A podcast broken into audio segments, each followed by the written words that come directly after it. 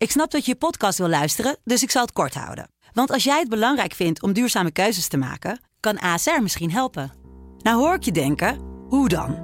Nou, bijvoorbeeld bij het duurzaam herstellen van schade. Of de premies die we beleggen volgens ons duurzaam beleggingsbeleid. Dat bepaalt waar we wel en juist niet in investeren.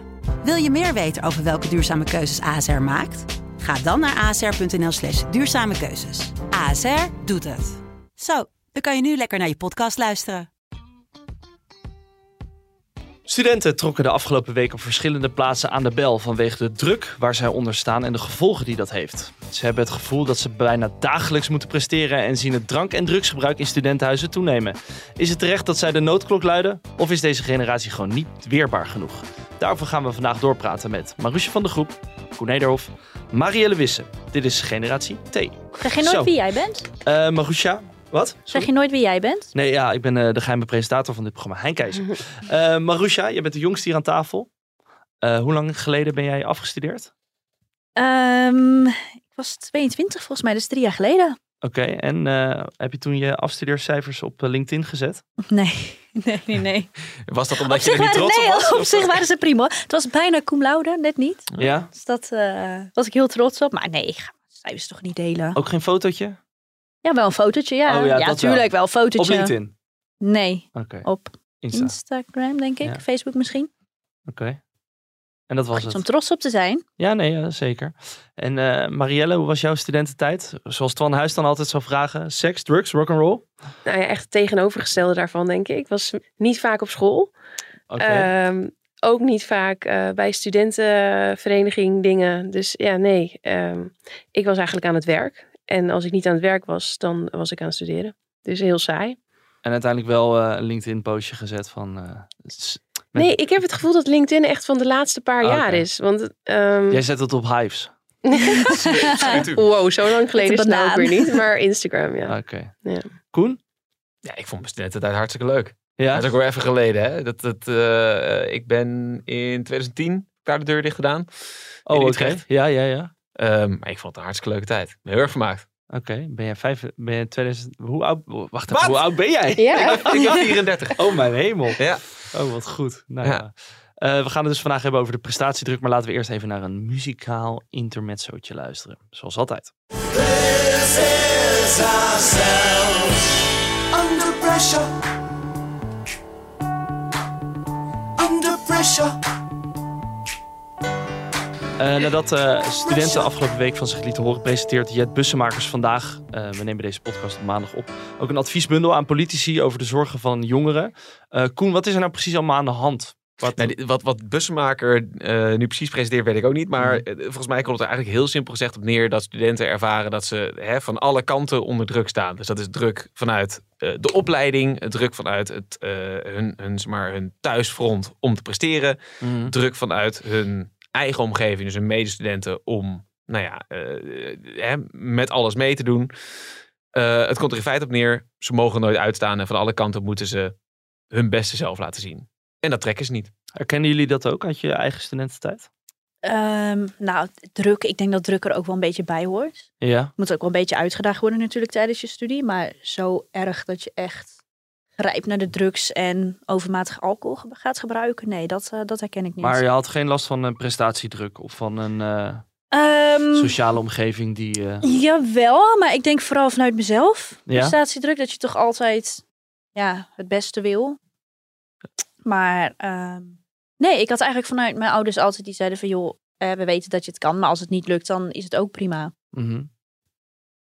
Ik had wel dat ik, ik, ik heb een jaar geschiedenis gedaan en daar stopte ik eigenlijk mee een beetje, nou, weet je, net na zeg maar, die februari maand waarin je nog Ja. je studie terugkreeg. Dus Ja. ik stopte in april of in mei of zo. Ehm, en ik had toen wel, ik, ik had wel echt het lood in mijn schoenen om dat aan mijn vader te vertellen. Mhm. Eh, omdat ik, weet je, daar wel die druk voelde van, nou ja, weet je, maak het gewoon eens netjes af. Ehm, Ja, dat En- herken ik wel. ja, daar, daar, dat, dat voelde ik wel. Ehm, en uiteindelijk heeft hij dat, weet je, ik kreeg ook wel. Nou, het was wel even een stroef gesprek, Mhm. zeg maar, dat, dat gesprek. Weet je, Van, nou ja, waarom niet, weet je wel. En, en eh, ik haalde ook al mijn studiepunten wel, daar lag het allemaal niet aan. Het was niet de druk van dat ik het niet aan kon. Ik vond het gewoon niet leuk, maar ik voelde wel die pressure om ja, om het vol te houden. Maar Ja. zijn er niet, eh, kijk, jij bent best een eh, sterke persoonlijkheid uiteindelijk, kan ik me zo voorstellen. Zijn er dan niet bepaalde andere soort types die daar nog meer tegen opzien om zo'n gesprek te hebben? Ik- En dan vervolgens de verkeerde paden gaan be- bewandelen. Ik kan me het levendig voorstellen. Ik kan me ook voorstellen dat je... Ik heb dat zelf tijdens mijn studententijd niet gehad. Dat ik dacht van, Nee. oei, weet je, eh, eh, ik kan de druk niet, niet handelen. Ehm, maar als je dat wel hebt, dan is het natuurlijk een hele makkelijke uitvlucht om te denken van, nou weet je wat, ik, ik zet het op een zuipen. Of hè, eh, om die even weg te zijn van die druk, gooi ik er drugs in. Mhm. Ehm, en als je een generatie hebt die misschien minder en minder gewend is om ook een minder mooie kant van zichzelf te laten zien. Zeker aan bijvoorbeeld thuisfront of aan vrienden. Ja, dan worden dit soort uitvluchten misschien best wel logisch. Marielle, jij herkende net iets in uh, Koens verhaal? Ja, nou, ik heb eh, voordat ik begon met journalistiek, heb ik pedagogiek gestudeerd. Ja. En daar ben ik ook na een jaar mee gestopt. Niet, geen vol jaar. Eh, en dat vond ik ook een heel lastig gesprek. Want ehm, voor mijn gevoel was dat de keuze van mijn leven, zeg maar. Eh, en alles wat ik daarna zou doen, ehm, ja, dat had te maken met die ene beslissing die ik zou maken. Dus ik vond het heel erg kut voor mezelf dat ik verkeerd had gekozen. En dan moest ik ook nog eens aan mijn ouders gaan uitleggen van... hé, hey, dit is hem toch niet helemaal. En ik, ik weet niet, het voelde een beetje als falen, Mhm. denk ik. En ik zit net te denken trouwens, want jij begon over, over zuipen. Ehm, tenminste, dat zei je net. Maar ehm, voordat we deze podcast ingingen, dacht ik... ah, ik heb echt nooit naar drank of naar drugs of zo gegrepen. Maar Ja. ik zit net te denken, ik werkte tijdens mijn studie in de horeca. En het was wel iedere avond, als we klaar waren, niet één wijntje of zo. Dat, ja, Nee. wel tanken. ja. Dus misschien, Heb je het onbewust? Onbewust. Je je? Oké. ja, Hey, maar ik je kan wel hebt- elke avond dronken thuis. Lekker toch?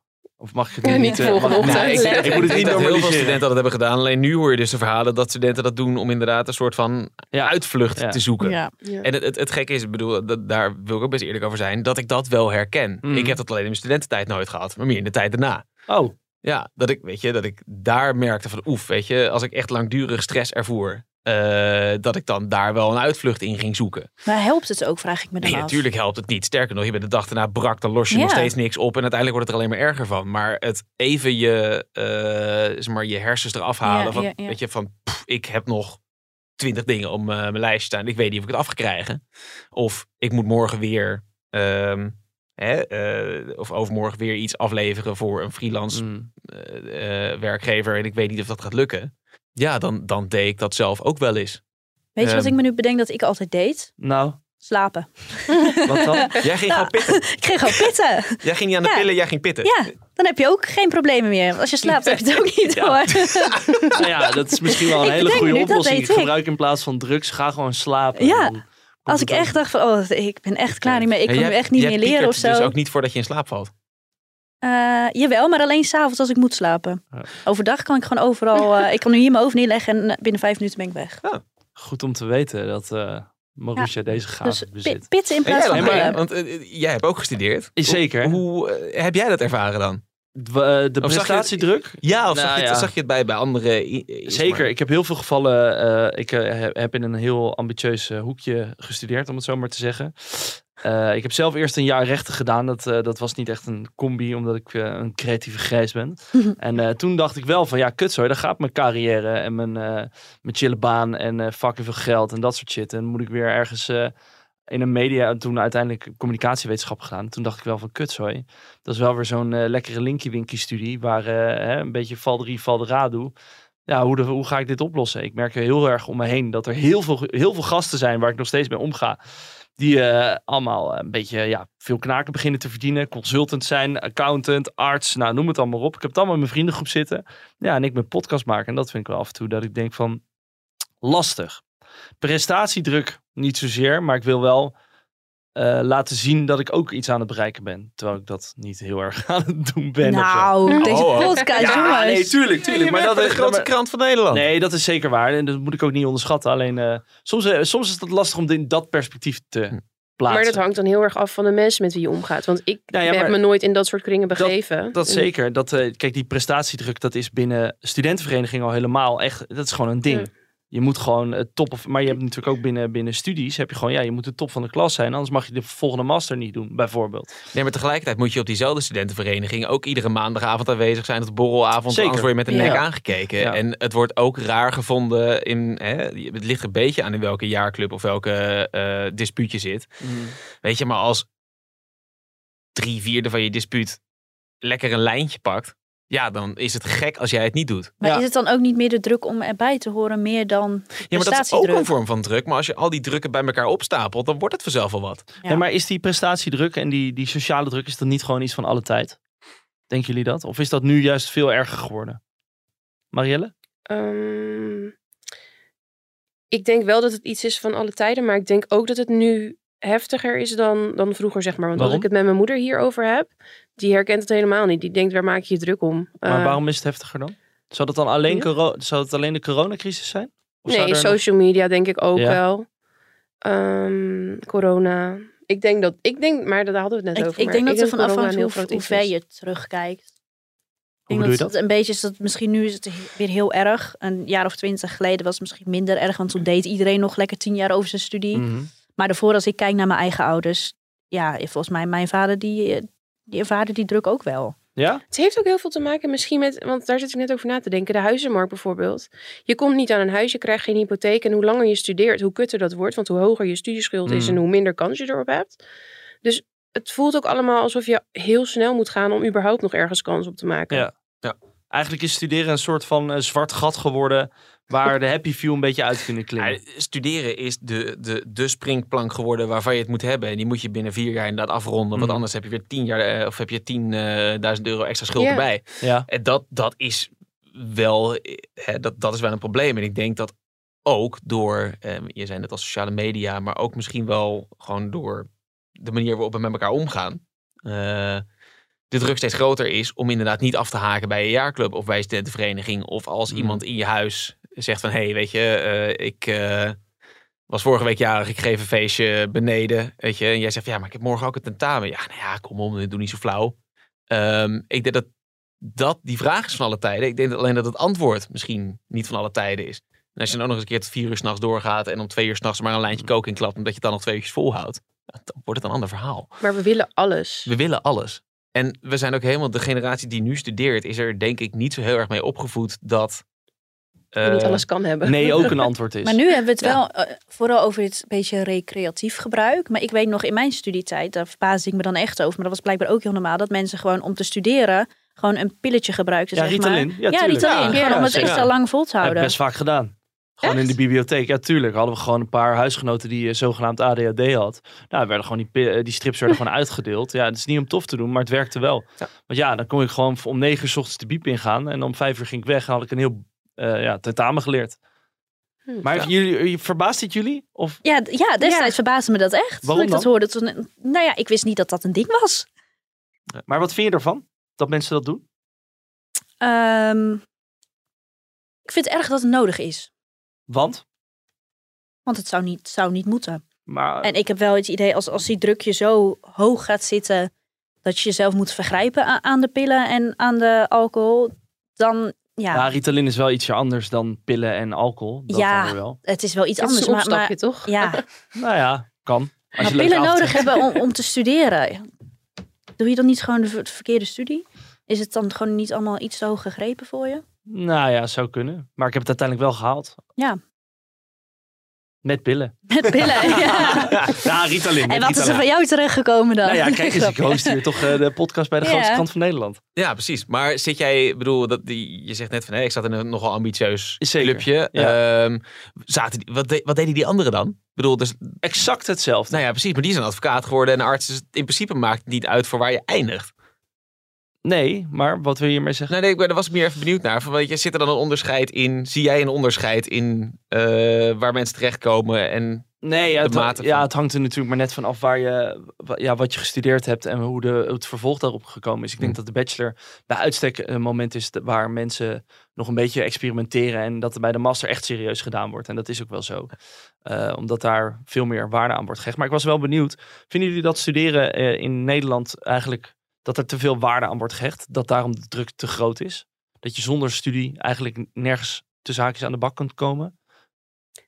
Ehm, En dan bedoel ik niet dat als je niet gestudeerd hebt, dat er helemaal geen carrièrekansen zijn, maar het wordt je wel moeilijk gemaakt. ja. Nou, Nou, als ik heel, heel eerlijk ben, als ik terugdenk aan mijn studie, ik heb niet het gevoel dat ik daar superveel heb geleerd. Nee, maar da- dat, dat begrijp ik. Maar het gaat meer om wat werkgevers er voor label aan hangen. Vind je dat dat, dat label te groot is? Ja, dan wordt er toch te veel eh, waarde aan gehecht. Want ik heb een studie gedaan waar ik niks Hmm. aan heb geleerd, maar ik had hem wel nodig om hier binnen te komen. Ja. Vind je dat een probleem? Hmm, ik denk sowieso het hele onderwijssysteem in Nederland is nog altijd heel erg gebaseerd op eh, je gaat naar school, je gaat studeren en dan ga je werken in loondienst. Terwijl er zijn zoveel meer opties en je wordt gewoon in die ene route geduwd. Dat we wel even een onderscheid moeten maken. Hè? 60% van de, eh, zeg maar, de mensen die van de middelbare school afkomt, eh, gaat volgens naar een mbo. En dat, dat eh, hè, noemen we ook studeren. Maar we hebben Ja, het nu de tijd over studeren met, met zeg maar, hè, universiteit, alle toetsen en bellen erop en eraan.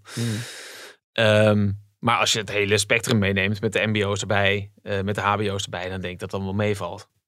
Eigenlijk, hoeveel waarde eraan wordt gehecht. Oké.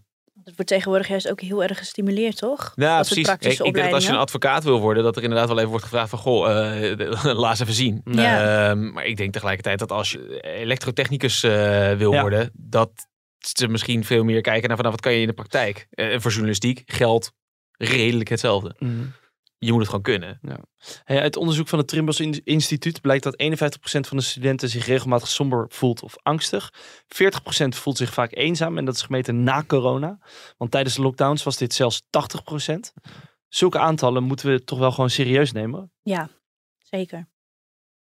Maar dit groeiende probleem, de druk, we zeggen allemaal van ja, maar dit is toch van alle tijd. Maar wa- wat, wat kunnen we hier dan tegen gaan doen? Ja, dit is wel iets wat er nu wat heel erg naar boven borrelt, Ja. denk ik. Ik denk dat dit misschien altijd wel sluimerde. Want Mhm. Ik zie jou ook een beetje kijken, Marusha, van, van ja, dit, dit moeten we serieus nemen. Maar dit is Maar wel hoe? iets wat, wat, wat opbouwt. Ja. Ehm, en, en misschien dat jij dat, eh, jij hebt hè, het meest recent gestudeerd, denk ik, van ons allemaal. En dat, jij bent net voor corona, was je klaar. Hoe was dat in die jaren daarvoor dan? Nam dat toen ook al toe? Ehm, dat weet ik niet. Was je altijd dronken? nee, ik was niet altijd dronken. Als ik een borrel nam, dan was het eerder om iets te vieren dat ik iets Hmm. gehaald had, bijvoorbeeld, dan dat het echt was om Oké. eh, stress weg te drinken of zo. Maar ja, ik blijf vooral een beetje hangen bij die, wa- wat was het, 70% die eenzaam is. Mhm. 80. 80. Dat, Ja. dat vind ik echt heel veel. Ja, en best ja, wel heel erg. dan zit je hè, in je kamertje eh, Ja. in, eh, in een stad waar je, waar je nou ja, ook maar bent komen wonen omdat je studie daar zat. Eh, Colleges eh, digitaal. En dan Nou ja, vervolgens en moet je weer wat gaan blokken. dat Ja, betreft eh, had ik dat ook wel een beetje de eerste maanden van mijn studie journalistiek. Ik woonde dan nog gewoon thuis, dus dat, dat scheelde. Ik had gewoon thuis mijn vrienden en zo. Maar ja, dan kom je in zo'n andere stad in Zwolle. Ik had de introductieweek volgens mij al gemist omdat ik op vakantie was. Dus je kent ook niemand. En die eerste maanden dacht ik ook van ja, ga ik dit vier jaar volhouden? Mhm. En dan is het ook misschien wel die, die druk uiteindelijk dat je denkt van nou hè, gewoon even doorzetten en kijk het aan. En dat je op een gegeven moment er toch mee doorgaat. Ah, duidelijk. die Heb je dat niet bij al het nieuwe wat je begint? Ja, misschien wel. Ik had het bij de Telegraaf niet. Oh ja. Het is een warm Zat bad hier meteen op mijn bad. En van een warm bad gaan we naar onze favoriete rubriek. De Cancel rubriek. cancel rubriek. Dat is voor het eerst dat iedereen eh, zo, eh, zo meezongt. Gecanceld. Gecanceld. Gecanceld. Je doet nu echt niet meer mee. Ja, ik moet mezelf gaan cancelen. ja, het is zover, eindelijk. Je neemt eh, ontslag. Ik neem ontslag. Tadaa! Nee, nee, nee. Dat, zou ik, je- dat doe ik jullie niet. Jullie kunnen niet zonder me. Dat merk ik aan alles. On- on- zonder mij. Het was een beetje een onderhuidse cancel ons. Ja, nee, natuurlijk. Jullie kunnen niet zonder mij. Dat is gewoon zo. Een soort meer mensplay. Maar maakt niet uit. Ik eh, had een eh, korte broek aangedaan hier op werk in de zomer. En daar werd ik door minimaal, nou, mi- minstens drie collega's op aangesproken. En eigenlijk werd ik dus indirect gecanceld. Omdat de korte broek... Ik heb mezelf gecanceld. Omdat ik nu niet meer durf aan te komen met een korte broek. Maar Snap wil je je dan niet liever het kledingbeleid eh Nou ja, cancelen? ja, maar dat is toch wel... Dat, dan ga ik de Telegraaf zelf aanvallen in de podcast van de Telegraaf. Dat lijkt me een beetje gevaarlijk. Ja, maar ik weet niet, het is niet, niet echt een telegraaf dingetje toch? Het is meer een algemeen idee van mannen mogen geen korte broek aan op het werk. Vind je dat? Nee, ik vind het belachelijk. Oké. Als jij een korte broek aan wil, dan moet je toch lekker een Ja? korte broek aan doen. Als jij goede kuiten hebt, Ik, laat maat, zien. ik heb echt fucking goede kuiten. Dat is niet normaal. We- we- Kunnen we, kunnen we ergens in de... Kunnen we, kunnen we een foto van jouw kuiten uh, ik, heb, een- ik heb een OnlyFans-account met eh, foto's van mijn eigen is kuiten. een Ja, ja, zeker. Ja. Ik eh, draag ook zo eh, skinny mogelijke jeans, zodat eh, mensen Oh, naar mijn ja. kuiten kunnen kijken. Maar goed. Ja. Bij deze dus, Volgens mij eh, was, was eh, het, het probleem, bij jou het extra probleem zat erin dat Marusha wel in een Ja, korte broek dat, eh, ja, dat- ja, dat durf ik niet helemaal aan te snijden, omdat ik dan altijd... Dit kan je eh, er altijd nog afknippen. Maar krijg dat, je, krijg je het mannen versus vrouwen Ja. eh, principe. Nee, Marusha die liep eh, afgelopen week in een... Wanneer was het? Gisteren? Nee? Nee, vorige week. Gisteren Vorige was week. zondag. eh. In, een, in, een korte, in een korte broek was Ja, het. Ja, en toen dacht ik, ja... Toen vroeg ik, Wat voor reacties wat kreeg voor je? reacties kreeg je? Nou, wat voor reacties kreeg jij, Ja, Marusha? wat een leuk pakje heb je aan. Ja, zie je? Het is toch ongekend. Dus ik werd gewoon gecanceld om mijn korte broek, maar bij vrouwen is het allemaal weer prima. ja, of lacht korte broek was het gewoon echt Ja, een misschien. Ja, Nee, het ik ben, ik ben nu wel benieuwd wat voor korte broek het was. Ja, Een eh, keurige... Ja. Goed, ik ga Maar ik, ik vind eigenlijk dat we uit solidariteit gewoon een keer allemaal een korte broek aan moeten doen. Ja, dat eh, lijkt me een hele mooie. En dat ik dan uiteindelijk toch de enige ben die een korte broek draagt. echt. Of de enige Ja, die ja. commentaar krijgt. Ja, precies. Je hebt een eh, website ervoor, hè? Mag ik een korte broek aan.nl? Ja, ja, zeker. Ja, die staat in principe altijd boven de 15 graden mag je altijd een korte broek aan. Over de Koud 15. man. Tuurlijk. Zo, Ja, je moet je kuiten toch laten zien. Kom op jongens. koude kuiten, er is Ja, niks aan. kuiten. Oké, sorry.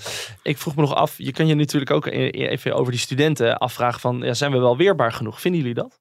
Zijn we weerbaar genoeg? Ik vind het wel heel makkelijk, want we zeggen heel vaak over de generatie die nu studeert, zeg maar, ja, ze kunnen niks hebben. Maar het, die cijfers, die zijn wel gewoon echt. Dus dan kan je heel makkelijk zeggen, ja, jullie kunnen niks hebben, jullie zijn eh, doetjes. Maar hoe verander je daar iets aan? Wordt dat niet altijd gezegd over de generatie? Dat is Ah, ja. sowieso. Cool. Toch? Vind je dat? Wat? Lopen er nu doetjes rond eh, in de generatie onder ons? Mm, Generatie die nu Ik vind studeert? het makkelijk om het doetjes te noemen.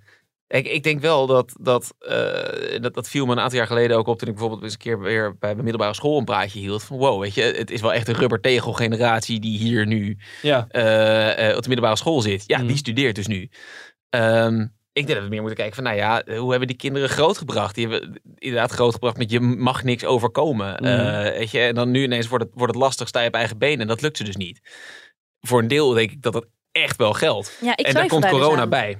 Waar, Eh, waar twijfel je dan Nou, aan? over dat hele van ze zijn opgegroeid zo van je mag niks overkomen. Ik heb juist het idee dat de generatie na mij, zeg maar, wat allemaal jonger is, dat dat juist hè, met de sleutel naar huis werd gestuurd. Zo van bekijk het maar, mama werkt, papa werkt en eh, we zien je wel rond een uur of zes. Dat ze juist heel erg vrijgelaten werden en daardoor ook heel veel dingen zijn gaan doen. Nou, die ik bijvoorbeeld niet deed. Zoals qua drugs, drugs. drank. Dank. En dan, maar, oké. Ik denk juist dat dat een beetje van alle tijden is. Ehm, precies, precies wat ik net zei, toen is maar ik studeerde. Weet je, ja, ik zoop me ook een stuk in mijn kraag en gebruikte ook drugs. En, en Ja. we deden ook alles wat God verboden heeft. Alleen wij, ik, ik en, en zeg maar, de mensen met wie ik dan omging, deed dat niet om me te sederen voor een grote boze buitenwereld.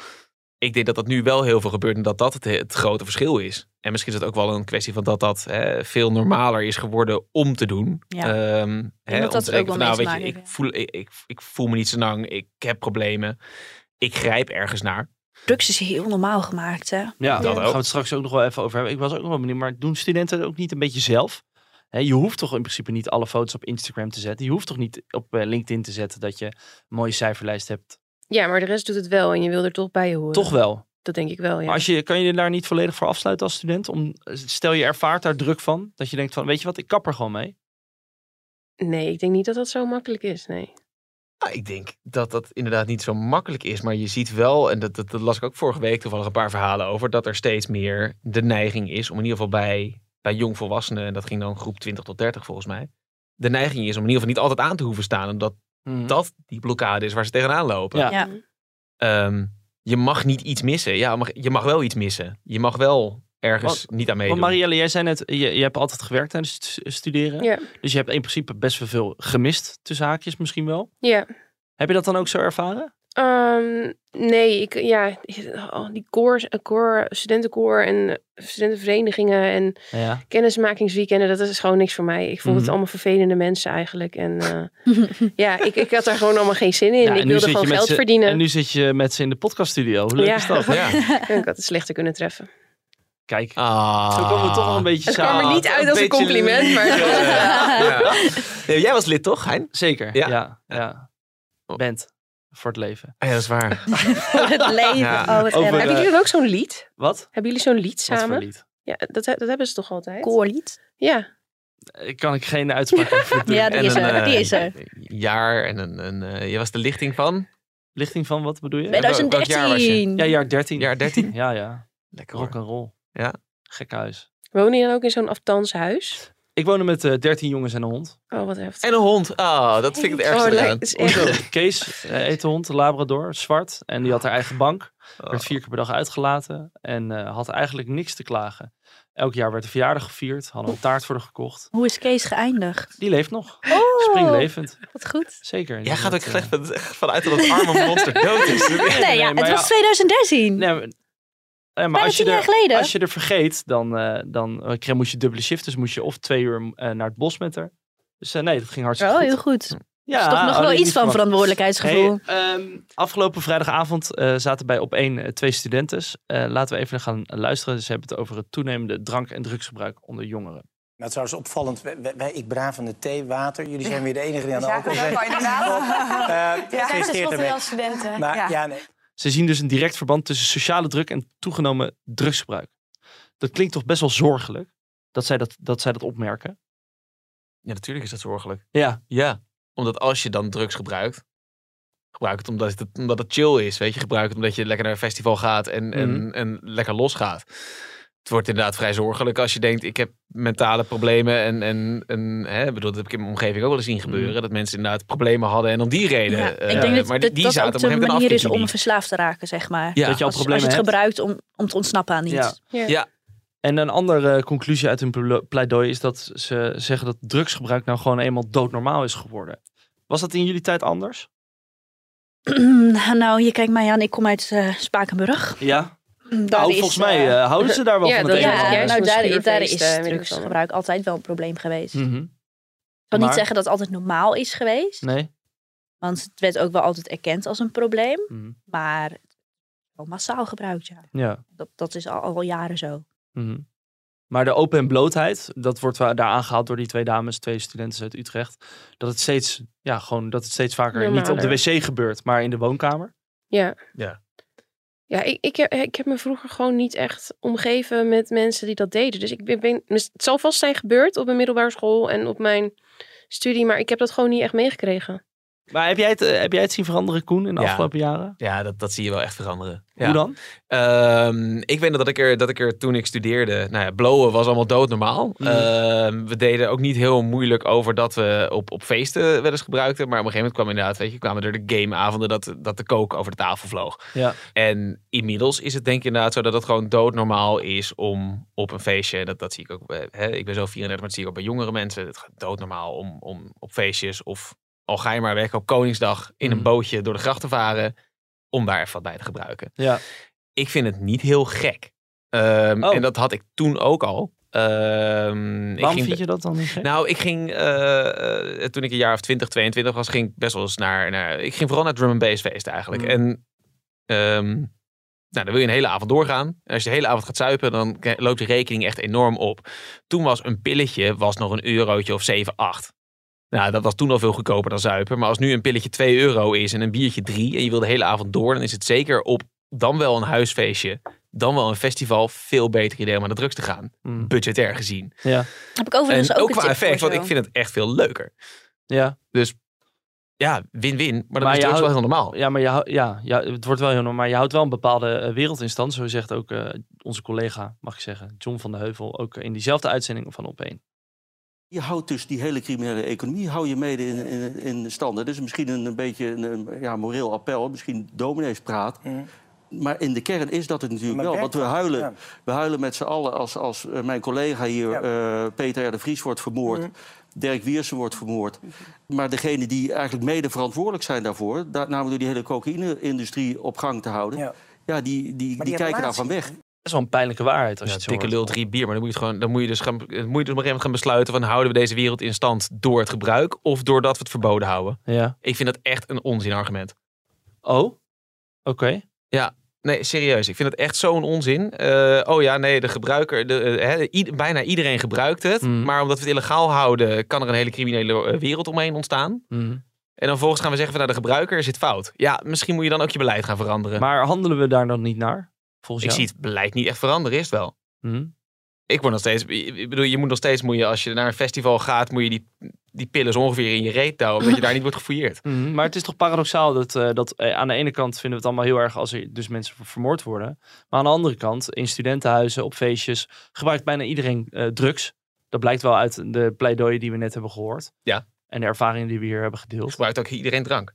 Ja. Ja. Maar de, de, dat staat niet zeg maar, in lijn, om het maar even in beeldtaal eh, te hebben. De drankgebruik staat niet in lijn met een, een moord op eh, journalisten of een moord op eh, advocaten. Als drank illegaal zou zijn, Ja, denk je dat? ja, Mm. Dus we moeten het allemaal in het legale trekken volgens jou. Ik denk dat je op een gegeven moment wel een bepaalde regulering moet gaan toepassen, ja. Mhm. Eh, en eh, het lijkt mij misschien ook wel een goed idee om te zeggen van nou, eh, hè, eh, als je nu eh, zeker wil weten dat je ex in orde is, dan moet je naar de, Ja, ja, ja, ja. hè, dan moet je het laten testen en dan zeggen ze van oh nee, dit is wel vrij sterk Dan spul, kan je, maar dan kan je het kopen bij de ethos. Nou ja, eh, da- daar moet je misschien ook niet heen. Maar je hebt, je hebt ook coffeeshops waar je eh, cannabis kan krijgen. Waarom zou je daar niet... Ik denk dat misschien cocaïne nog iets anders is dan ecstasy. Maar daar moet je eens een keer over na gaan denken. Hè? Eh, maar ecstasy is niet per se een druk waar mensen van de pijp uitgaan. Behalve als het vervuild spul is. Mhm. Ja, ik zou het legaliseren. Ja. Maar dan wel met een gecontroleerde productie. Vinden jullie trouwens dat het eh, zorgwekkend is dat er eh, zoveel drugs gebruikt wordt? Tegenwoordig? Of denken jullie dat het een fase is eh, dat dit gewoon nou eenmaal de Roaring Twenties zijn waar we in zitten en dat het wel weer overwaait? Marielle, je kijkt stil. bedenkelijk. Ja, ik zit na te denken. Ehm, Ik denk het is zorgelijk. Ehm, maar vooral als het inderdaad gebruikt wordt als uitweg voor iets. Maar je vindt het niet zorgelijk als het recreatief wordt gebruikt? Ja, persoonlijk wel, want ik gebruik niet. Nee. Maar ook niet als dat een bepaalde wereld in stand houdt. Ja, wel. Mhm. Dus je haalt je eigen punt nu. eh. Ja, ik ga mezelf helemaal onderuit. Nee, nee, ik vind dat een hele lastige. Ik vind dat een hele lastige. Want er zijn veel mensen inderdaad die hè, eens een keer een pilletje gebruiken op een festival. Mhm. Ja, en dan denk je, wat, wat kan het dan kwaads vergeleken bij bijvoorbeeld hè, helemaal dronken gaan of, Mhm. of iets anders. Maar ja, ja ik, vind, ik vind het een ingewikkelde. Oké. Slotwoord? Koen? Ik ben het eigenlijk heel erg met Marusha eens dat het prima is als je een keer drank of een keer drugs gebruikt en, en misschien ook hè, een beetje overboord gaat ermee. Maar we moeten ons inderdaad wel zorgen maken als een steeds grotere groep van de mensen waar we hè, op een gegeven moment van afhankelijk zijn dat zij, hè, dat, de, generatie die eraan komt, dat die ervaart, ik heb zoveel problemen dat Mhm. ik me daar maar in ga verliezen. Ja, daar moeten, we, daar moeten we echt wat mee gaan doen als samenleving. Ja. Ik vind dat, dat best wel zorgelijk. En het- niet dat, Wat- drank, wat niet dat doen? drank en drugs gebruiken. Iedereen kijkt nu even naar van, oh, ze gebruiken veel drank en drugs. Nee, ze, ze schreeuwen van, het gaat niet goed met ons. Mhm. Dat is wat ze doen. Ja. En daar moeten we misschien wat mee. Misschien hebben we dan gewoon het hele studeersysteem niet goed ingericht. Of niet goed nagedacht over hoe we deze mensen gaan helpen na hun studeren om ergens te komen. Omdat ze daar nou, in feite tegen zoveel drempels aanlopen dat je er helemaal niet heen wil. Ja, dat is denk ik het probleem. En daar zou je een keer als, als maatschappij wat mee moeten doen. Zeker als beleidsmaker. Ja. En dus ook als universiteit. Zorg dat je, dat je een, een heel goed en, en laagdrempelig systeem hebt. Met misschien een soort van... Hè, iedere universiteit heeft psychologen in dienst. Mhm. Zorg dat er misschien ook een soort van straatcoaches zijn. Dus een soort van oudejaarsstudenten die dit herkennen binnen hun vereniging. En gewoon zeggen van joh, hey, arm om je heen. Hoe gaat het eigenlijk met je pik? Mhm. Dat. We moeten iets meer, iets meer toenadering tot elkaar zoeken. En iets meer het open gesprek aangaan misschien ook wel. Ja, misschien ook elkaar daar even iets meer in... in Corrigeren. Ja. Ja. Nou, ik denk wel dat je gelijk hebt dat er eh, meer achter zit. Want het wordt nu heel erg gegooid op het drank en drugs. Maar ja, er zit natuurlijk iets achter. Het probleem is eigenlijk veel dat- groter ja, dan we nu dat hier moeten we schetsen. aanpakken. Oké. Ja, het probleem ligt denk ik gewoon anders dan we schetsen. Ja. We zien de symptomen. Mensen gebruiken drank en drugs. Nou, er zit gewoon iets onder. Daar moet je eh, wat aan doen. Nou goed jongens. Eh, jij? ja. Nee, ja, ik Heb jij misschien een laatste woord? Laatste woord. Nou, ik heb, het, eh, ik heb het behoorlijk zien veranderen. Niet veel aan het geweest natuurlijk. Ik heb, eh, bij, bij mijn vereniging was het zo dat eh, drugsgebruik was eerst eh, direct royement. Dus dan mocht je niet meer komen, nooit meer. Dat is in de laatste jaren veranderd naar een schorsing. Ik heb ook gezien toen ik in mijn eerste en tweede jaar zat, was ik echt alleen maar aan drinken en nergens anders mee bezig. En als ik die jongens nu zie, dan is het wel, nou, wanneer gaan we ja, de, de sleutel, gaan we heimwee krijgen en aan onze sleutels ruiken. Ja, dat vond ik wel vind ik pijnlijk om te zien. Het is een moeilijke ja, omgeving, denk ik ook wel, om jezelf te ontplooien. En dan denk je van, nou, ik doe maar mee, want iedereen doet het. En als we dat kunnen doorbreken, denk ik dat je al heel erg ver bent. En het gesprek met elkaar aangaan. En eh, daarmee gaan we deze podcast afsluiten. We zijn er volgende week weer. Afsluiteren? eh, afsluiteren, zeg ik dat? Oh, sorry. Dan gaan we deze week een podcast af, eh, eh, dan gaan we deze podcast afsluiten. Volgende week zijn we er weer. Laat een reactie achter, sterretjes, alles. De hele shebang wordt heel erg gewaardeerd. Tot dan. Hoi. Oh.